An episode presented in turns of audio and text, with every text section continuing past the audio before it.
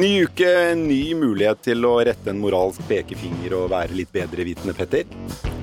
Å ja, du sikter til kaffen? Sikter til kaffen. Nei, mitt poeng var bare Det er øh, Nå har vi diskutert øh, ditt øh, lille personlige økonomiske utfordring med at du ikke forstår at den kaffekoppen koster deg basically 30 000 i året. Eh, og eh, regnestykket enkelt. Litt over 40 kroner for den kaffekoppen. Eh, dette er etter skattpenger. Legg på hva du må tjene. Gang med 365 dager i året. Ish 30 000. Mm. Hvis du i tillegg kjøper en bagett, dobler du det lett. Og da tenker jeg på her i studio kan du få gratis kaffe, ta deg en brødblings til null kroner. Litt som personøkonomi, akkurat som jeg prøvde å lære mine barn. Ikke drikk kjøpevann. Vann tar vi springen. Det er basically gratis. Men den er veldig god, den kaffen, da, og eh, man kan jo ikke bare gjøre fornuftige valg, og akkurat det tror jeg du vet en god del om. Gjør ikke det? Jeg mener at de fleste valgene vi har gjort, eh, hvis du sikter til krisen, eh, har vært eh, fornuftige, men det har vært, det, er, det har vært nok av ting å bekymre seg over. Ja.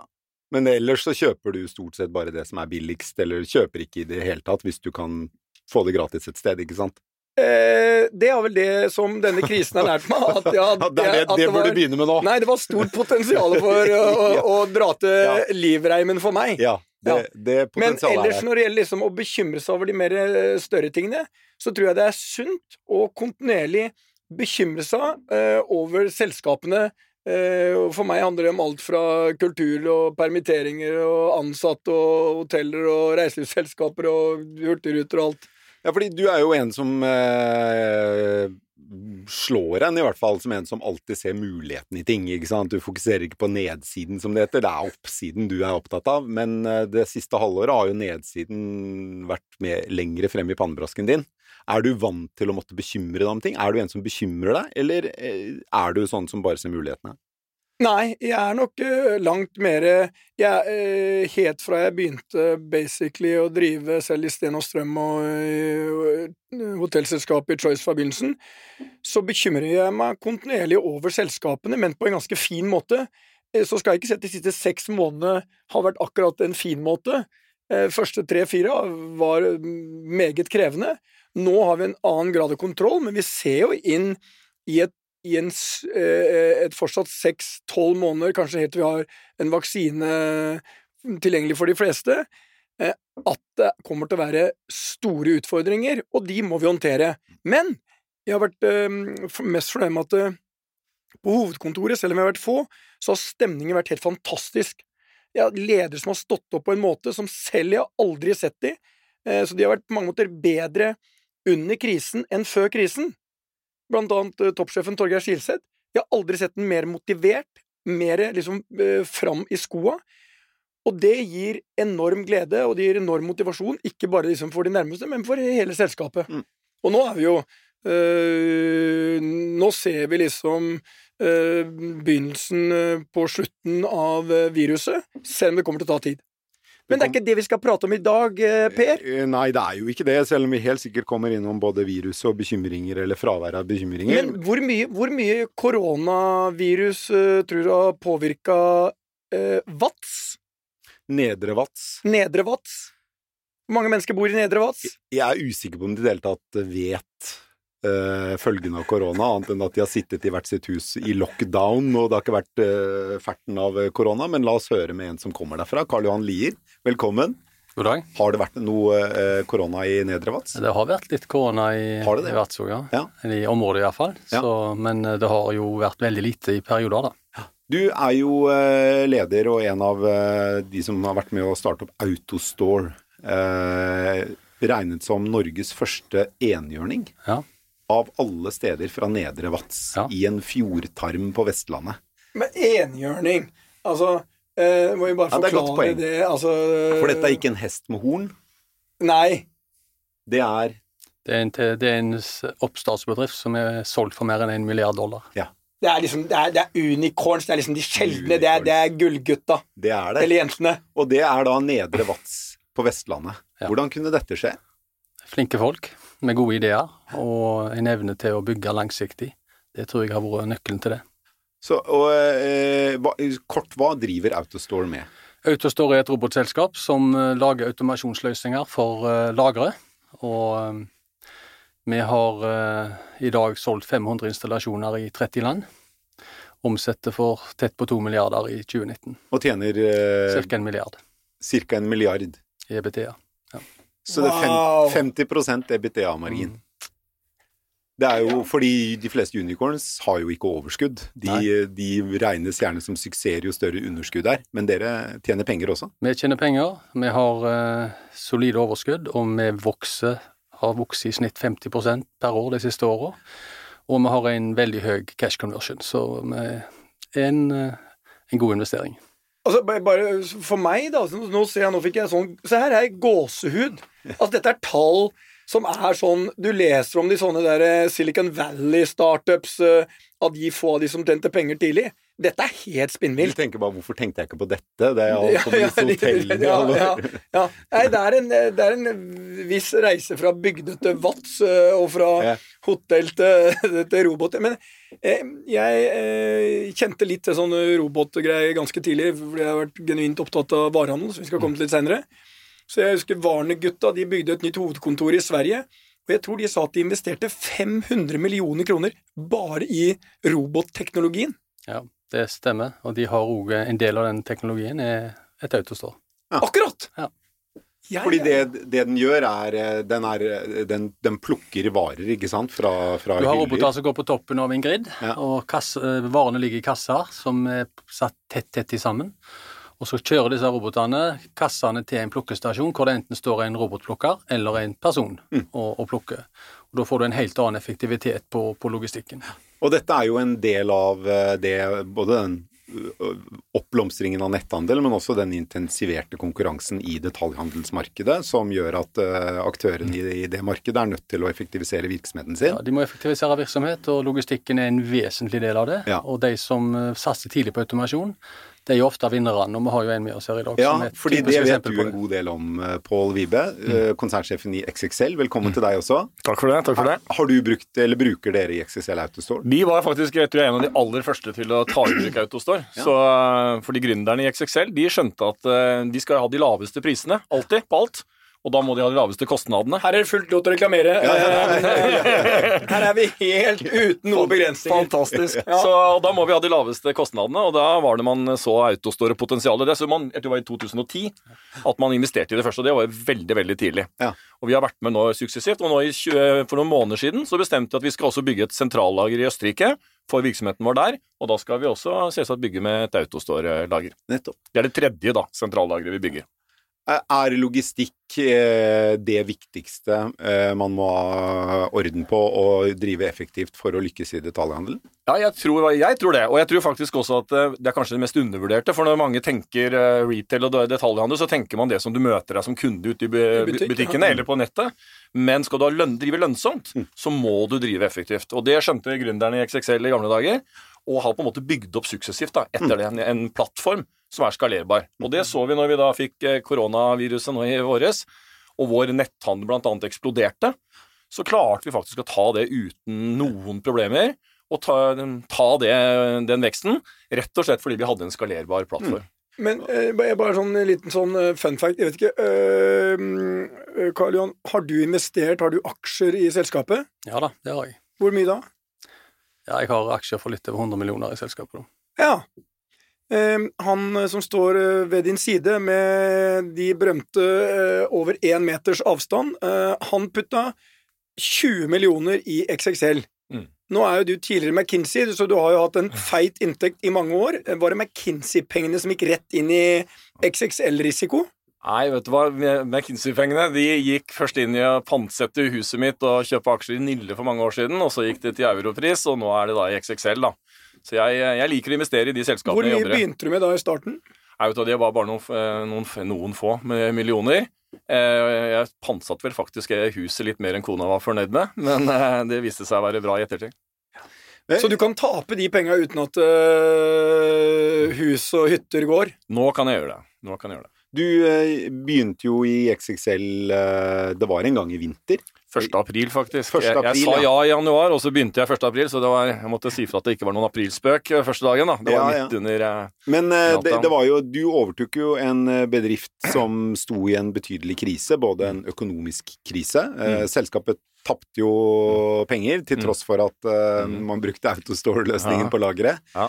Um, lageret, apropos, var jo enormt. Det var et Ja. varelager på mange milliarder kroner av til dels ganske gamle varer. Ja. Og så var det også en omdømmekrise ved at eh, særlig E24 hadde hatt mange artikler som gikk på behandlingen av ansatte. Ja.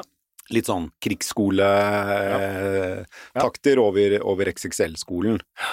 Eh, men i tiden som har gått siden du begynte, har jo veldig mye snudd.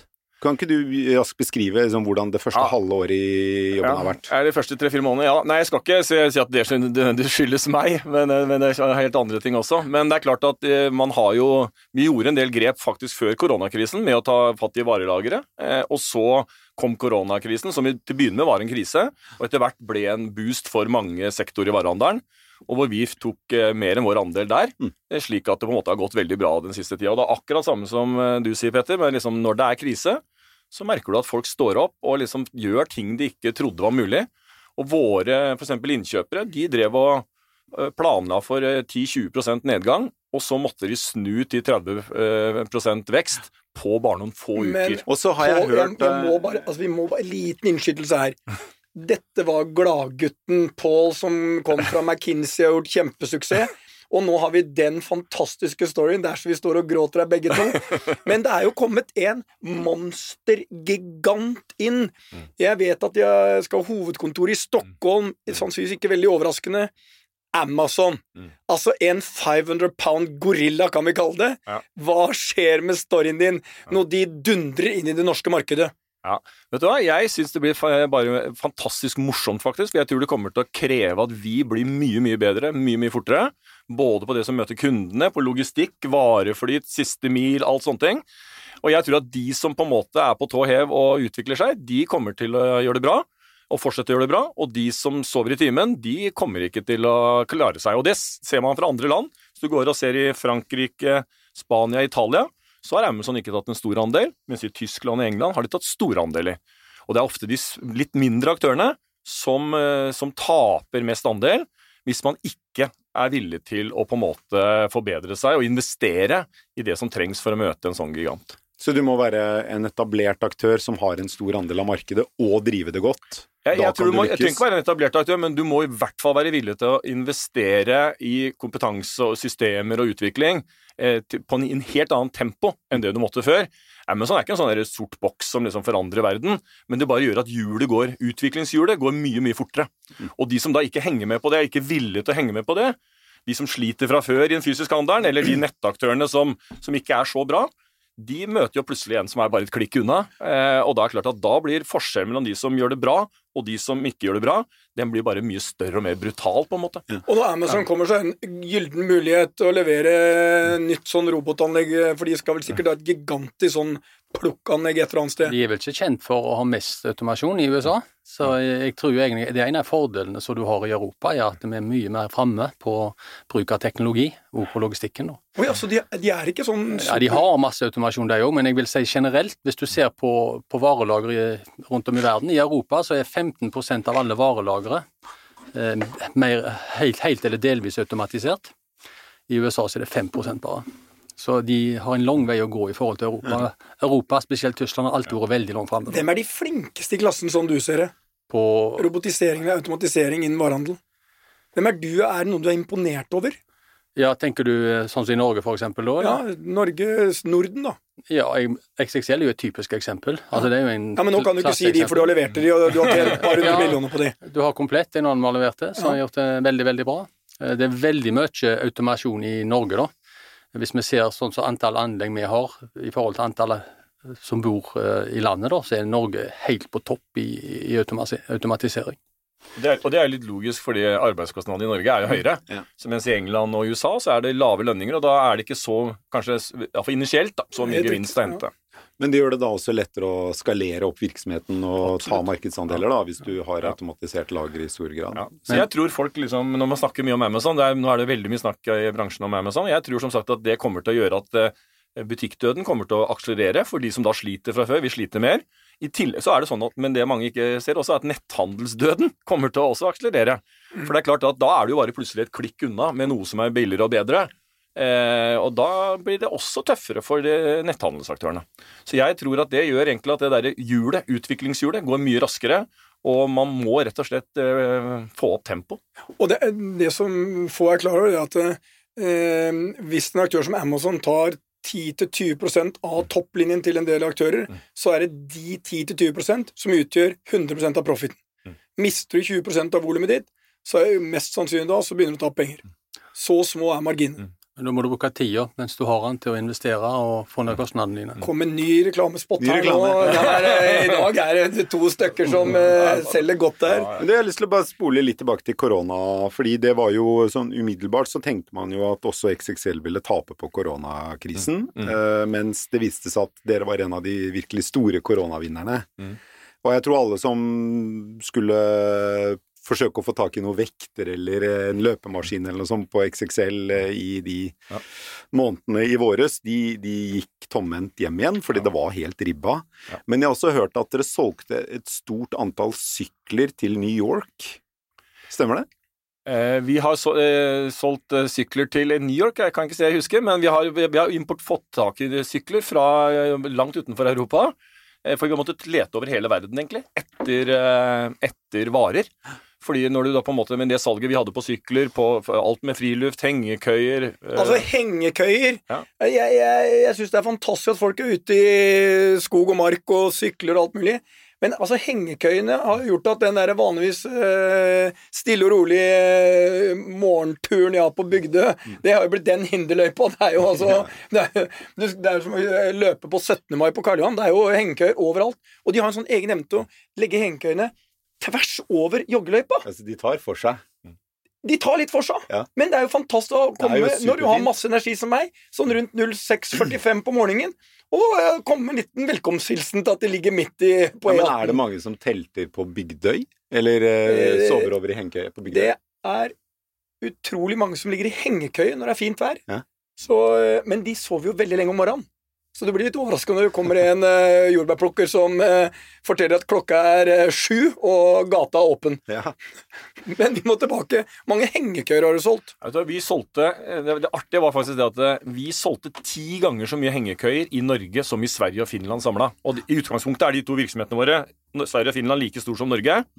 Men vi har altså solgt ti ganger så mye hengekøyer i Norge som i de to andre landene. Så vi nordmenn, vi er altså alle de klisjeene vi, er- vi har lest om. Vi er liksom friluftselskende folk som jager ut i marka. Så man har ikke sett det samme i Sverige og Finland? Altså. Jo, det er- vi har sett en veldig bra-. Vi har sett en veldig bra vekst der òg, men ikke på langt nær. Altså I Norge er det jo Det finnes jo ikke et tre i Nordmarka som, eh, som er ledig. Så, så du Men det er klart, Der, eh, jeg, jeg, jeg har vært en del i Stockholm, og det er klart, det er ikke veldig mange hengekøyer på Djurgården. Det er ikke sånn at uh, 08-erne drar ut med hengekøya, liksom. Nei, nei, det er ikke det. Jeg vet ikke om du har fulgt med hvordan de har uh, Jeg er jo veldig håndtert koronaen i Sverige. Jo, Ja, litt ikke annerledes enn i Norge. annerledes. Men jeg er jo veldig glad i å dra på telttur med barna mine, men, men de siste månedene så har jeg ikke orka engang. Fordi For du må jo lete så lenge etter en teltplass hvor det ikke er uh, masse liv og røre fra før. Så det, Men du må jo gå må mer enn 200 meter fra parkeringsplassen. Ja, men det er ikke så lett med en femåring, ikke sant? Du kan gå et par har du ikke bæremeis? Du kan kjøpe på XXL for halv pris. Du tar ikke, når du har en 35 kilo sekk på ryggen, så tar du ikke en femåring i en bæremeis i tillegg. Det gjør du ikke. 35 femåringen kilo! Altså, 35 kilo! Altså, er du klar over hvor mye det veier, eller? Ja, du, skal, du, skal du være på telttur i 14 Nei, men du skal jo ha med deg en 35 kilo! Ja, ja. ja, Ha Han deg grill. Ja, skal med deg grill. ja. Ok, vi må tilbake. Ja. Ehm, Du har sagt at du skal gjøre XXL. Eh, Hvor hvor store ambisjoner har eh, dere på eh, liksom robotisering? Hvor stort er liksom Ja, det Markedet er jo gedigent, sant? Ja. og det er, som jeg sa, 15 av eh, lagrene i Europa. eh, 5, 5 i USA er automatisert. Vi tror at om 30-40 år så er kanskje 75-80% av varelagrene rundt om i verden automatisert. Det betyr vi er et marked som kommer til å vokse 10-15% i året de neste 30 årene. Jeg gleder meg, gleder meg over perspektivet ditt. Vet du hvor langt perspektivet mitt er? Ut september, så tar vi liksom oktober, så tar vi november. Men du skal bli eh, Europas eh, ledende sportskjede, Pål. Ja. Og klart, typisk McKinsey har sikkert 48 sånne powerpoint-greier for å fortelle hvor enkelt det er. Nei, ikke så mye PowerPoint, men, eh, men altså, jeg tror alle organisasjoner har godt av å ha litt ambisjoner. Jeg merker at det er noe folka internt syns er artig. Men det setter jo litt krav. Det er ikke bare å si det. Du må jo faktisk da det setter lista litt høyere på alt det du skal bli bedre på. Du snakker snakker til en som eh, ekspanderte ganske kraftig, og så kom korona. Jeg har fortsatt 27 hotell under bygging, så jeg skulle gjerne liksom hatt eh, utsatt leveransen litt. I, i, i Norge er jo det originale markedet til XXL, og så har dere utvidet til Sverige og, og Finland, som du sa, og dere har jo også en tilstedeværelse i Danmark som Ja, ikke har vært eh, Den er nå kun digital. Den har alltid vært kun digital. Har den alltid vært kun digital i Danmark, ja. Ja. Og så har dere jo satset eh, Jeg vet ikke, liksom, Kanskje ikke så stort, men Mm. dere, har- dere har brukt en god del penger på å satse i Østerrike. Ja. Som jo, kanskje høres ut som et logisk valg, fordi det er ikke så ulikt eh, Norden ved at det er mye fjell og snø, og de er Ja. glad i å gå på ski. Ja. Men det har jo vært et, en kostbar satsing for dere. Dere har ikke helt fått det til der. Eh. Er Østerrike et land dere kommer til å trekke dere ut av? Nei, Det er det mange som spør om. Jeg, jeg sier at det først og fremst Så nå har vi seks varehus bare i Østerrike. eh, Og det vi først og fremst skal gjøre, er å gjøre en god jobb eh, og optimere driften og tilpasse oss til det østerrikske markedet. Så får vi se hva vi klarer å få ut av det før vi liksom gjør noen konklusjoner. Vi mener at det er masse vi kan bli bedre på i Østerrike. Østerrike har vært litt sånn sidebusinessen. Så det har på en måte vært Vi har jo 90 varehus nå, og seks av de er i Østerrike. Det er klart det at da, da har de andre 84 fått mer fokus.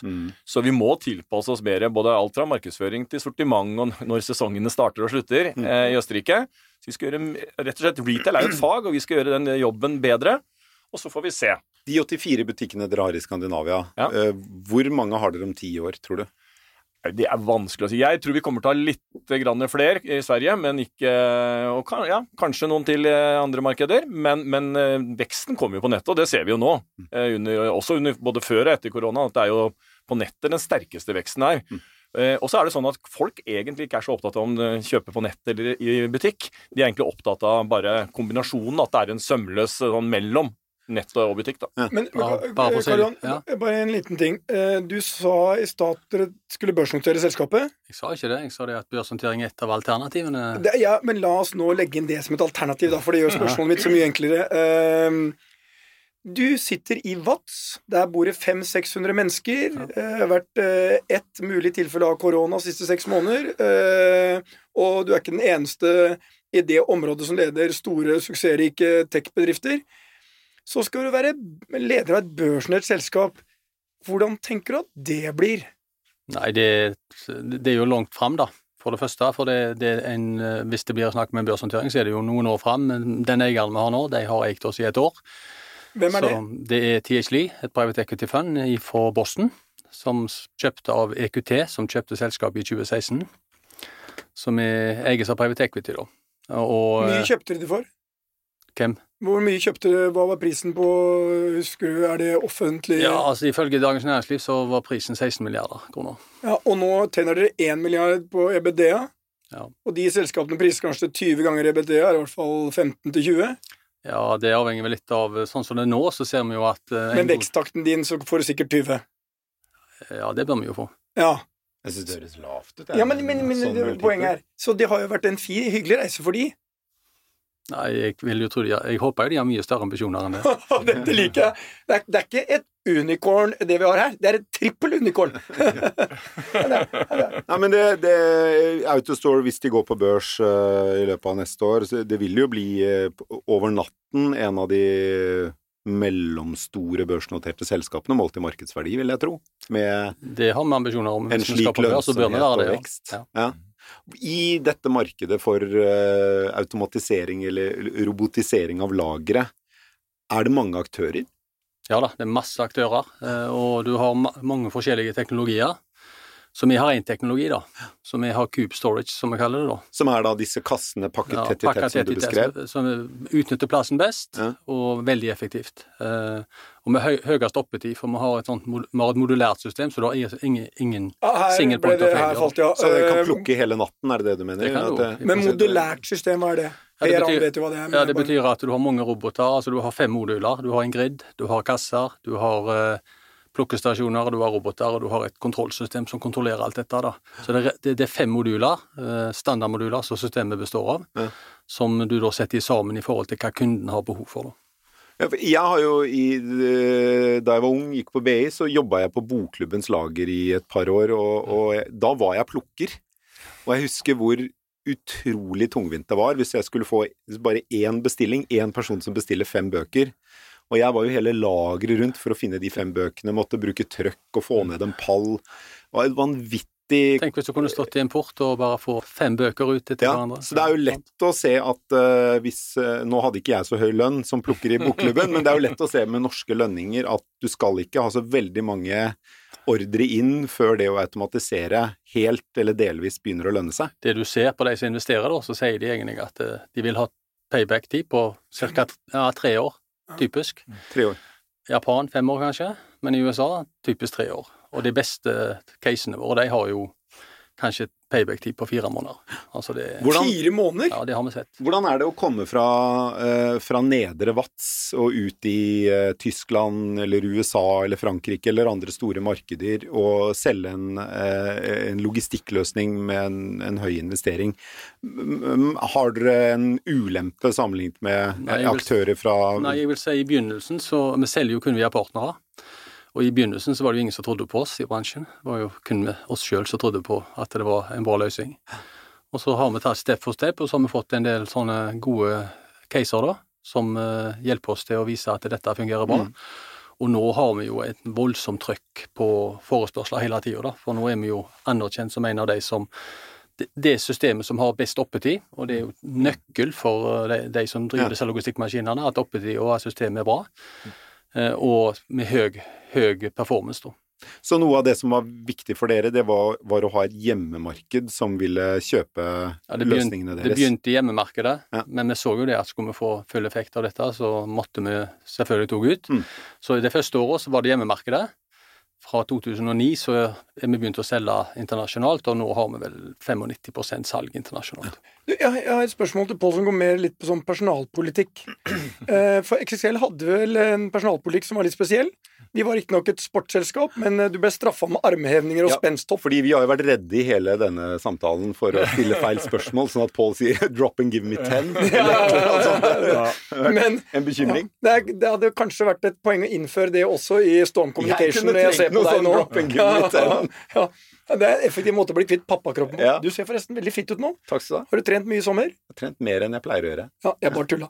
Ok, eh, men hvordan er det med Hvordan er det med Det verste at du tok det rett det, da. Du, men jeg har jo jeg har gått ned i vekt og ja, nei, jeg begynner å Men nærme meg nå. tilbake. eh, Har du, har du fortsatt med den eh, Prøyser-disiplinen i XXL at hvis ikke du selger nok hengekøyer, så må du ta 25 armhevninger før du får lov til å få lunsj? Nei, det har vi ikke. Og det har jeg aldri gjort i min tidligere karriere heller. Det... Men som sagt, noe av det som har overrasket meg litt, da, for man leser eh, om XXL utenifra, når man kommer inn, så er det som dere sier, at man, det høres ut som det er et forferdelig sted å være. Ja. Eh, Men faktisk eh, Jeg vil elske det, da. Veldig mange av de folka som jobber i XXL, brenner utrolig for det de driver med. Og så engasjementet og den der eh, stoltheten over konseptet, den er faktisk veldig veldig sterk. Og det har overraska meg positivt. Ut fra hva du kan lese i media. Da. Så jeg tror det handler litt om lederskap. Liksom at man skal konkurrere. Men vi skal konkurrere på en ordentlig måte. Jeg har alltid hatt som filosofi at vi skal, liksom, vi skal ha partnere og andre rundt oss som skal heie på oss, og vi skal oppføre oss sånn at folk heier på oss. For da får du litt sånn goodwill. Eh, Du kan være så dyktig du vil, eh, og du vil gjøre så godt du kan, men på toppen av det, hvis du klarer å oppføre deg ordentlig, så får du, så får du folk med deg rundt. da. Både kunder, men også partnere. Så vi skal rett og slett oppføre oss ordentlig, og det, det eh, opplever jeg at det er ganske stor enighet om. så det er på en måte... Mener du at, at ledelsen i XXL ikke oppførte seg ordentlig? Jeg kan ikke si det, men jeg mener at vi må ha fokus på at vi skal alltid stille oss spørsmålet eh, Måten vi er på, da, måten vi oppfører oss på, er det sånn vi ville blitt behandla sjøl? Mm. Eh, og, og det går ikke bare på oss som internt, det går vel så mye på hvordan vi jobber med leverandører og partnere. Eh, jeg tror det er viktig at du liksom får med deg folk rundt som heier på deg. Og det, det er, jeg opplever at det er stor grad av enighet om. Og sånn har det ikke alltid vært, eller? Det vet ikke jeg, for jeg har ikke vært der før. Men eh, fra 1. april begynte jeg. Men, men eh, det er det som har si, vært min og, jeg å si, læring og effekt. da, At mm. det er viktig på en måte å oppføre seg ordentlig og få folk med deg. Nå har jo Karl Johan vært ganske åpen om penger her sånn og sånt nå. På du kjøpte aksjer for 20 millioner. Det er i og for seg interessant, men på hvilket kursnivå kjøpte du de aksjene? Det er også offentlig. Det var på ni kroner eh, Hva, pri, hva priser det selskapet til? det, ja, det var 9 kroner, nå er prisen nå litt over 20. Nå er den på 20 år. Ja. 20? Ja. Ok. Den var jo nede i 4,50. Så du har, du har aksjer for 40 millioner, du? Ja, og så er litt uh, i tillegg, ja. Opsjoner? ja. Nei, ikke opsjoner. I tillegg, hva vil det Det er et, det er sånn management-investeringsprogram som vi har, som du kan investere Hva på har, i mitt tillegg. spørsmål er, jeg skal uh, Ja. rephrase. Uh, hvor mye har du aksjer for i dag? Stående her. Nei, jeg har ikke Jeg teller ikke det løpende, men, eh, men det er mer enn det er- 40. Jeg tror Her er vi rause. Ja. Jeg tror det Petter prøver å komme frem til, det er er det mulig å låne noen penger her. Ja, det- Jeg tror det er det Petter prøver å finne ut av. det. Nei, men det er jo en, en fantastisk suksesshistorie i forhold til følgende. Det er han, han kommer inn i et selskap, og det viser uh, at du tror på selskapet, tror på ideene dine, for han putter inn mye penger og er mye. eh, sånt noe. Og så går det veldig bra. Og klart det er også motiverende hvis du har et management eh, sånn insentivprogram, hvor mange kan delta i det. Mm. Um, så jeg syns bare det var interessant uh, at den storyen om 20 millioner egentlig var en story om nesten 50.